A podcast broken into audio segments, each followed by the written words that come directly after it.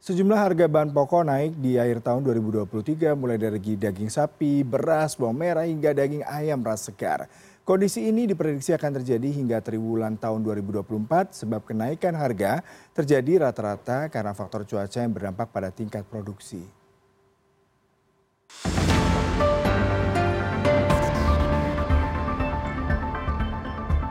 Sejumlah harga bahan pokok naik di akhir tahun 2023 mulai dari daging sapi, beras, bawang merah, hingga daging ayam ras segar. Berdasarkan harga pangan Bank Indonesia pada Kamis 28 Desember 2023, harga beras kualitas bawah maupun kualitas medium seluruhnya naik di kisaran 0,34 hingga 0,37 persen. Begitupun dengan harga bawang merah, bawang putih, hingga daging sapi yang naik. Sementara cabai mengalami penurunan harga. Direktur Eksekutif Institute for Development of Economy and Finance atau INDEF, Tauhid Ahmad, memprediksi tren kenaikan harga akan berlanjut hingga triwulan pertama tahun 2024.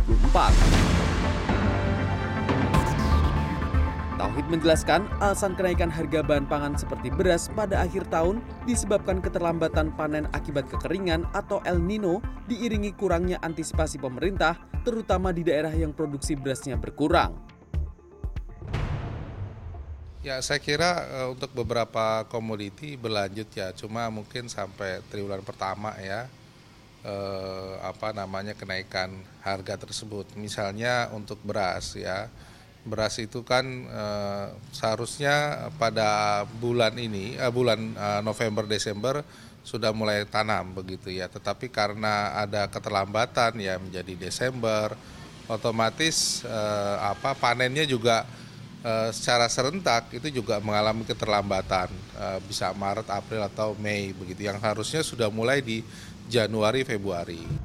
Sementara untuk bahan pangan lain seperti cabai cenderung naik disebabkan faktor cuaca yang berpengaruh pada produksi.